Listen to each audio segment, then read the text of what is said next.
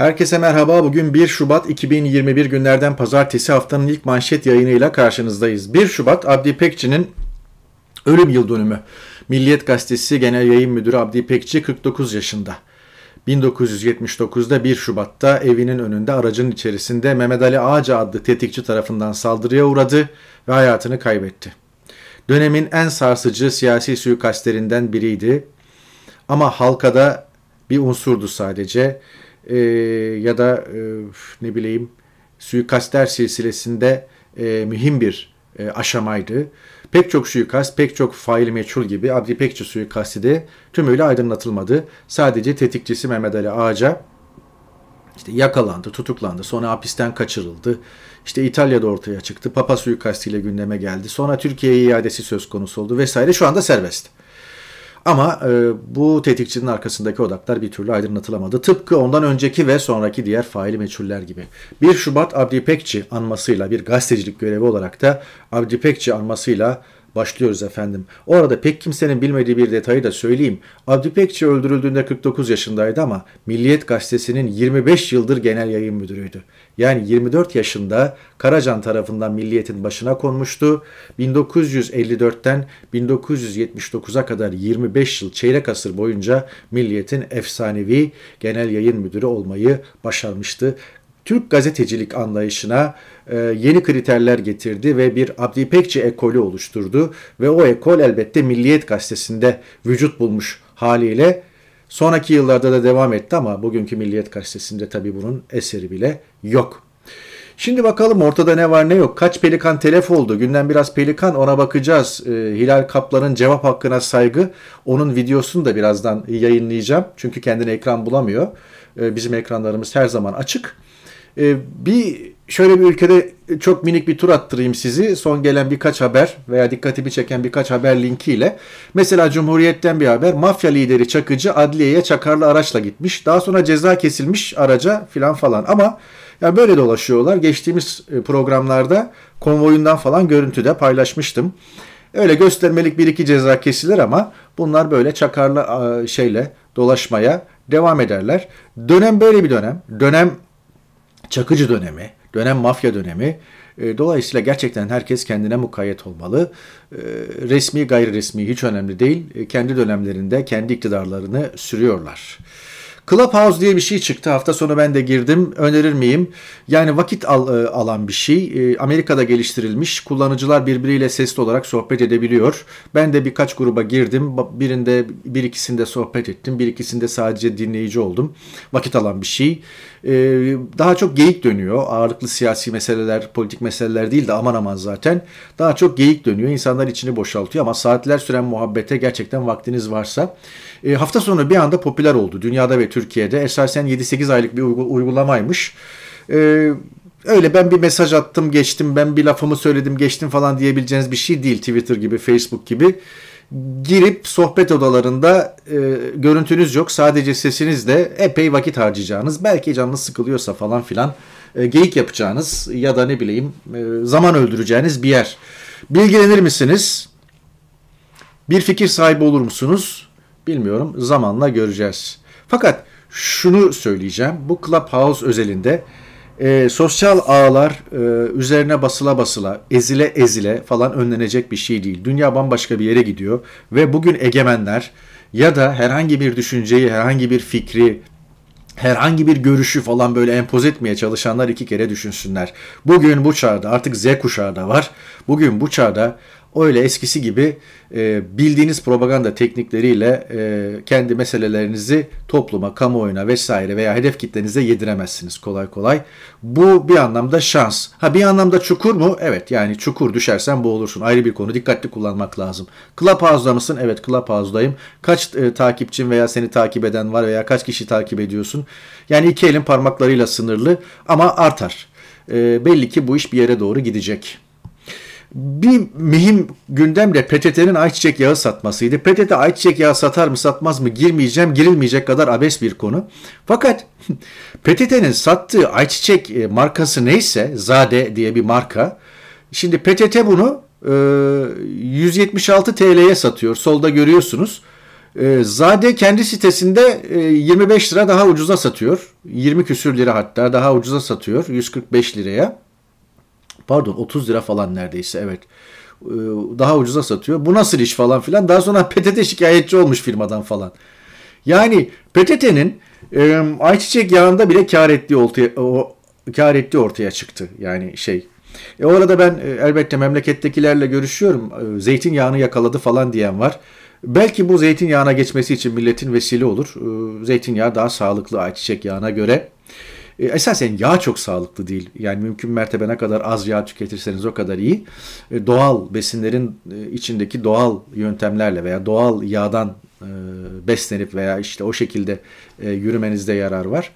E, milletin e, bırak 5 litreyi, 10 litreyi, 1 litre, 1,5 litre, 2 litre alacak parası yok. Yani ciddi bir kıtlık, ciddi bir açlık, ciddi bir imkansızlık da kapıda. E, ben şeylere bakıyorum. Ee, özellikle yardım dağıtan insanlara falan İstanbul'da, İstanbul'un göbeğinde veya belli semtlerde önlerin, önlerinde çok ciddi kuyruklar var yani. Evet, mesele sadece ayçiçek yağı olsun. O arada ayçiçek yağıyla da ciddi bir algı yapılıyor. Birazdan bakacağız. Muharrem İnce CHP'den istifa eden milletvekillerinin kendi partisine katılacağını söylemiş ama kendi istifa etmemiş. Geçeceksiniz bu adamı bir kalemde. Adam parti kuruyor. Üç tane milletvekilini istifa ettirdi. Ama hala kendisi CHP üyesi biliyor musunuz? Ya insanda birazcık yani omurgu olur ya. Bir tane bile olsa yani. O arada Belat Albayrak'ın atadığı Hazine ve Maliye Bakan Yardımcıları görevden alındı diyor BBC Türkçe haberi. Dünkü haber bu. Ee, Levent Gültekin kaynaklı olarak e, Albayrak'ın sarayda görevlendirileceğine ilişkin bir kulis paylaşmıştık bir hafta iki hafta önceki yayında. Enteresan şimdi adamları da temizlenmeye başlanmış ama tabii bu sarayda görevlendirilmeyeceği veya bir sus payı falan kendisine bir sus payı koltuk veya büro verilmeyeceği manasına gelmez. Bekleyip göreceğiz. Bu arada 8 Kasım'dan beri yok yani. E, e, Cumhurbaşkanının damadı ekonominin e, bütün dümenine geçirilmiş. 130 milyarı çarçur etmiş bir insan 130 milyar doları döviz kurunu baskılayacağım diye çarçur etmiş bir insan elbette kayınpederinin bilgileri dahilinde yok sırra kadem bastı. Ne bir kare görüntü ne bir satır mesaj yok yani. Evet. Yeni Türkiye. Evet. Ulusal güvenlik meselesi derken bu mesele kastettiğim bu yani. Kimsenin can güvenliği yok böyle bir ülkede. Boğaziçi Üniversitesi'nde rektörlük krizi devam ediyor bu arada. Kimse Melih Bulu'yla çalışmak istemiyor. Buna da bakacağız ilerleyen dakikalarda. İşte Kabe görselinin e, yere konması. Aslında orada yere konan Kabe görseli de değil. Bir Kabe e, illüstrasyonunun ortasına Kabe'nin bulunduğu noktaya Şahmeran e, illüstrasyonu yapılmış falan. Yani esasen Kabe görselinin orijinali de bozulmuş. Yani o ob Kabe objesinin yerinde şahmeran var. Altında da açıklaması var. Hoş kime ne anlatıyorsun yani? E, terörden e, ne bileyim şeyden e, ne derler? E, insanlar e, tutuklandılar, içeri atıldılar yani böyle bir şey. Tuhaf bir şey yani. Vedat Demir'in ahvalde çok güzel bir değerlendirmesi çıktı okuyun. Başlık şu, Türkiye'yi 19 yıldır Erdoğan tek başına yönetiyor. Bu tablonun sorumlusu o. Yer yer çeşitli e, koalisyon ortaklarıyla Erdoğan alınıyor. Cemaat, ulusalcılar, MHP, şu bu falan diye. Ve her defasında bu koalisyon ortakları üzerinden Erdoğan aklanıyor. Veya Erdoğan'ın bir kabahati yok işte efendim bunlar yaptı falan deniyor. Vedat Demir bunu irdelemiş ve demiş ki hayır her şeyi Erdoğan yaptı. Ve ustaca günah keçisi icat etti her dönemde. E, bu yazıyı okumanızı tavsiye ederim. Evet. 29 Ocak'ta çekilmiş bir görüntü Cüneyt Topaloğlu paylaşmış. Bu fotoğraf bugün Hopa'da çekildi. 41 yıl önce katledilen çocuklarının ölümünü anmak isteyenlere saldırıldı. Canlarından parça kopan insanlara acımasızca saldıranlar bilsinler ki zulmünüz uzun sürmeyecek diyor. İnşallah. Evet. Şimdi geçelim bu pelikan meselesine. Ee, Habertürk'te bir tartışma programına e, Pelikan'ın troliçesi Hilal Kaplan telefonla bağlanarak Habertürk'te çalışan insanların e, cemaatçi olduğunu, şu anda da işte efendim e, hükümet aleyhine alınan bu tutum işte bunun bu sürecin bir parçası, devamı. Habertürk'ü ve Habertürkçüleri neyse cemaatçilikle suçladı. Öncesinde de böyleydi, şimdi de böyle filan demeye getirdi. Habertürk de enteresan bir şekilde onu yayından aldı.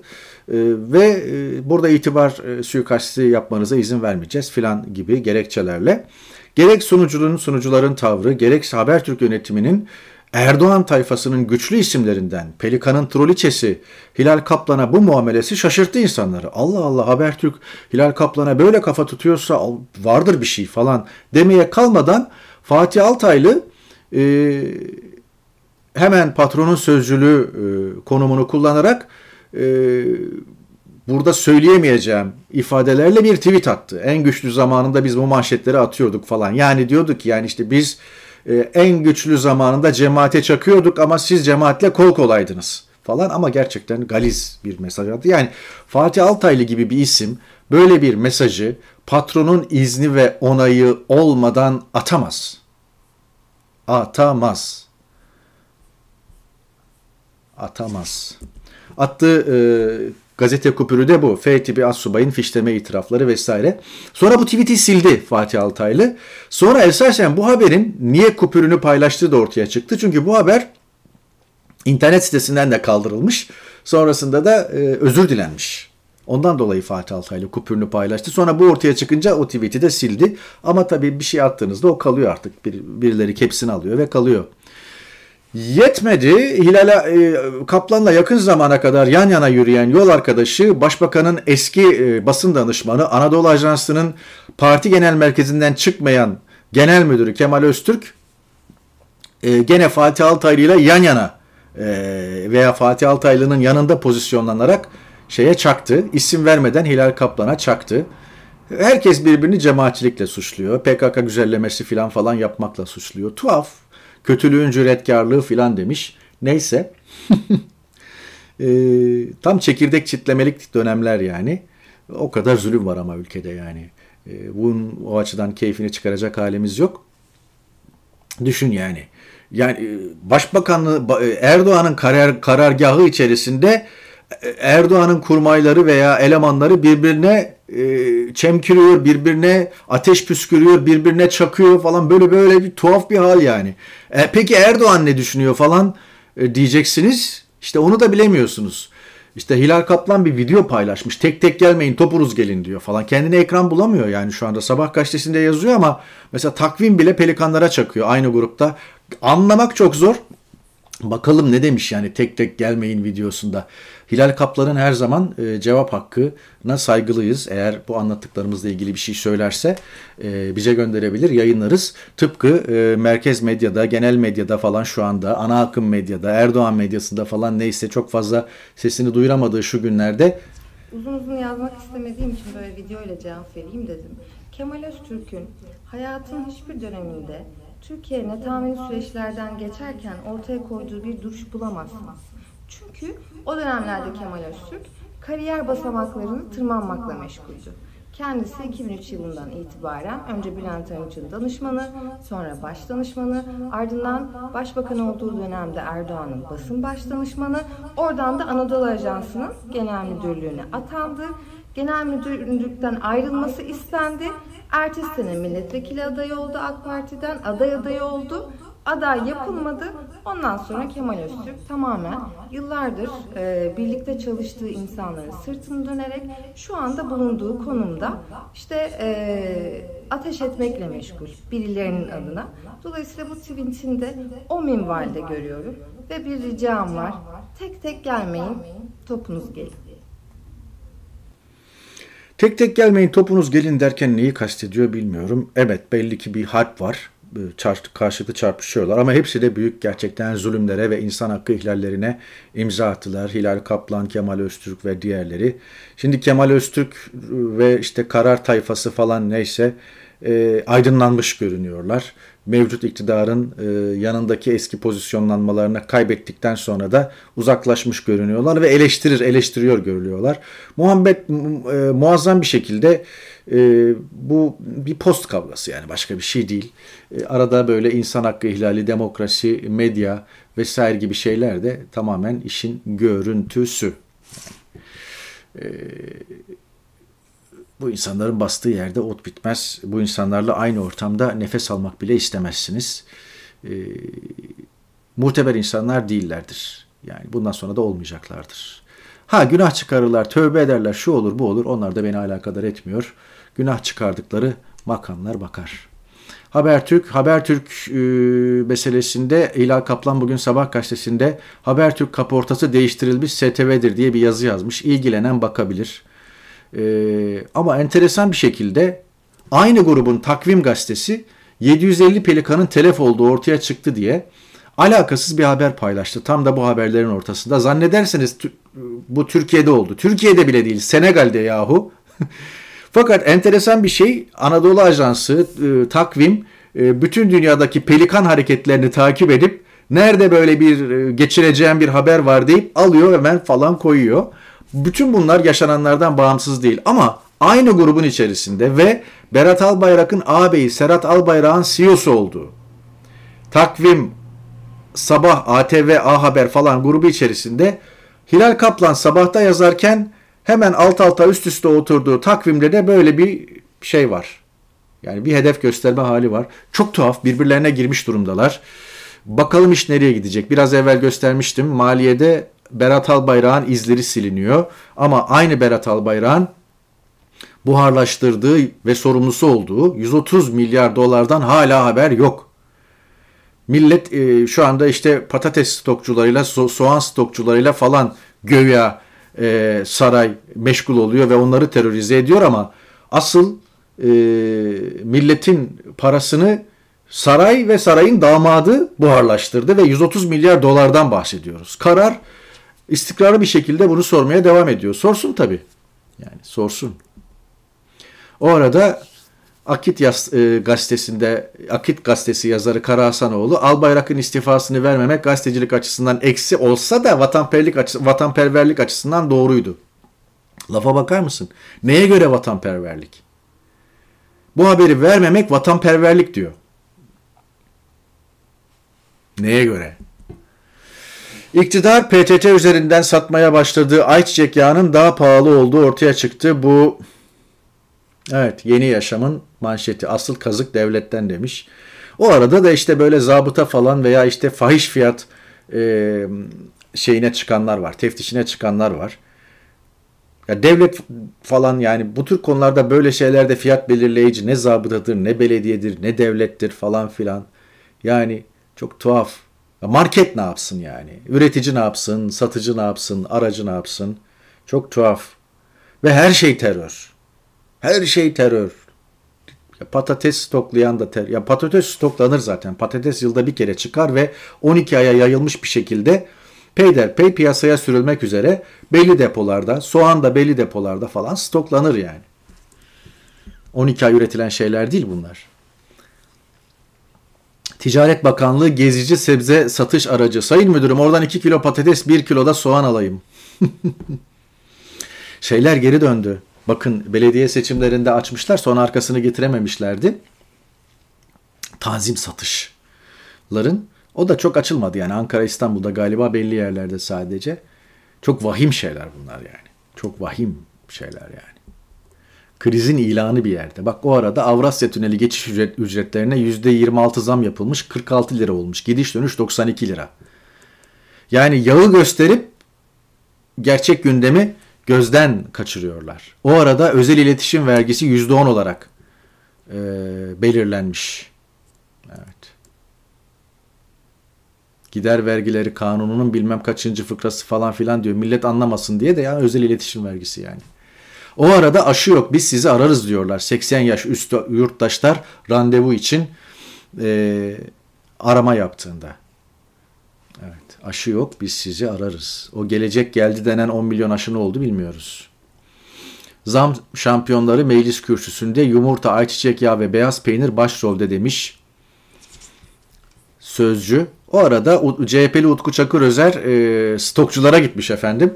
Soğan üreticisi bizi terörist ilan edenler şimdi neden susuyor? Soğanı kilosu 1 liraya ürettik 60 kuruca, kuruşa alıcı bulamıyoruz. Geçmişte bizi terörist ilan edip depolarımızı basanlar şimdi niye susuyor demişler. Yani Onlar artık sabah başka, öğlen başka, akşam başka. Cumhurbaşkanı yardımcısı alkol ve tütün bağımlılığına karşı yeni yasaklar getirileceğini söylemiş. Neymiş efendim? Meyhane, tobacco shop, nargile kafa gibi, kafe gibi dükkan isimleri e, değiştirilecek, yasaklanacakmış. Yani bundan sonra meyhane diye yazmak yasak. 1930'lar Amerika'sına doğru e, hızla gidiyor Türkiye.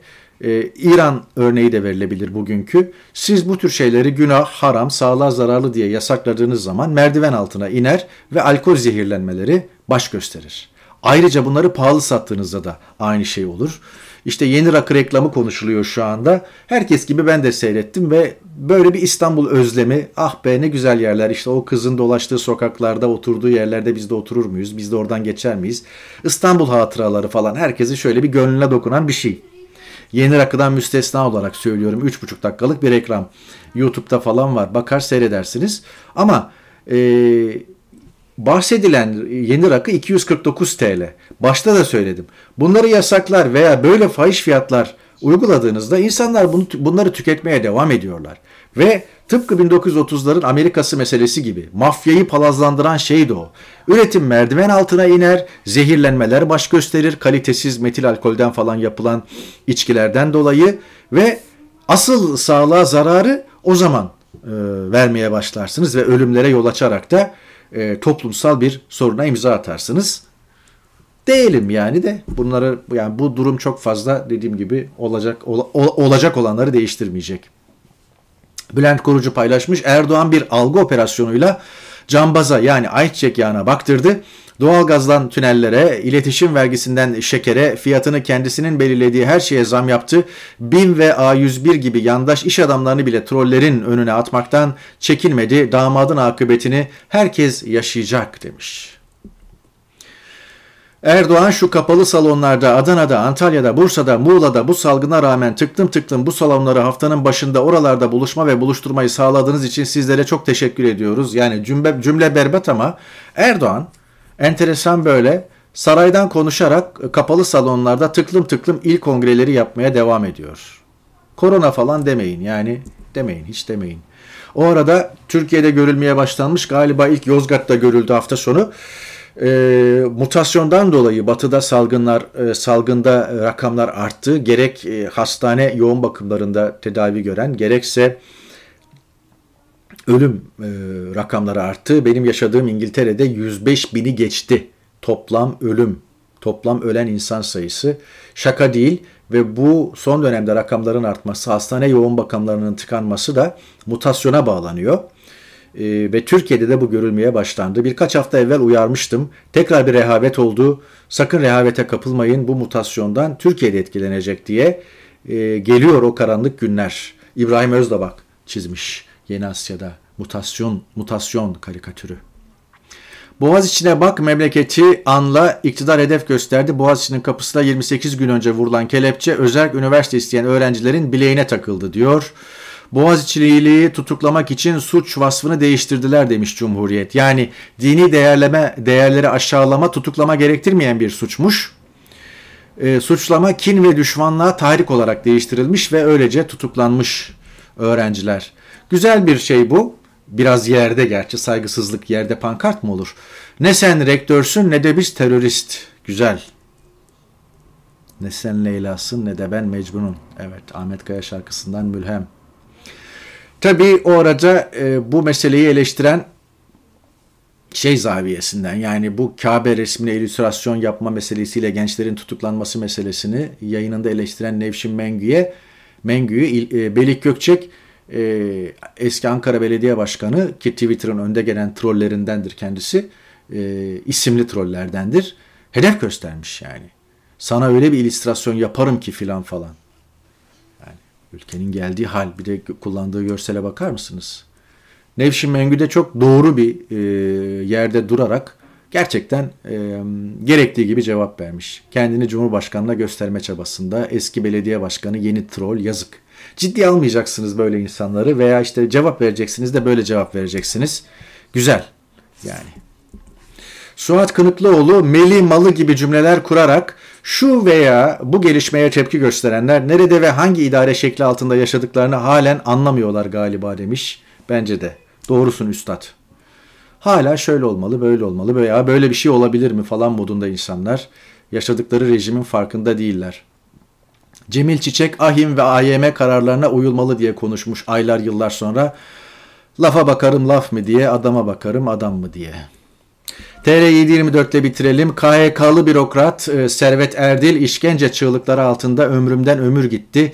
15 Temmuz 2016 darbe girişimi ardından çıkarılan KYK ile görevden görevlerinden edilen binlerce akademisyen bürokrat onlardan biri Türkiye'yi terk etmek zorunda kalmış adalet uzmanı olarak e, çalışmış. Aralık 2016'da tutuklanıp 15 ay Sincan cezaevinde kalmış Servet Erdil diyor ki aslında yaşadıklarımı unutabilirim belki bir zaman ama o nezarethanede işkence çığlıklarını hala unutamıyorum. Bu olanlar Ankara Emniyetinde Mali Suçlar Şubesi'nde gerçekleşti. TRT'den basından bir arkadaşa ciddi işkenceler yaptılar. Ayrıca Diyanet'te görevli bir imama da çok işkence yaptılar. Onun yanında nezaret, nezarethane koridorlarından çok şiddetli işkence ve inleme sesleri geliyordu. Bizim bu çığlıklar karşısında ciğerlerimiz parçalanıyordu. Bizler aynı zamanda korkuyu yaşıyorduk. Gerçekten kolay bir hadise değildi demiş.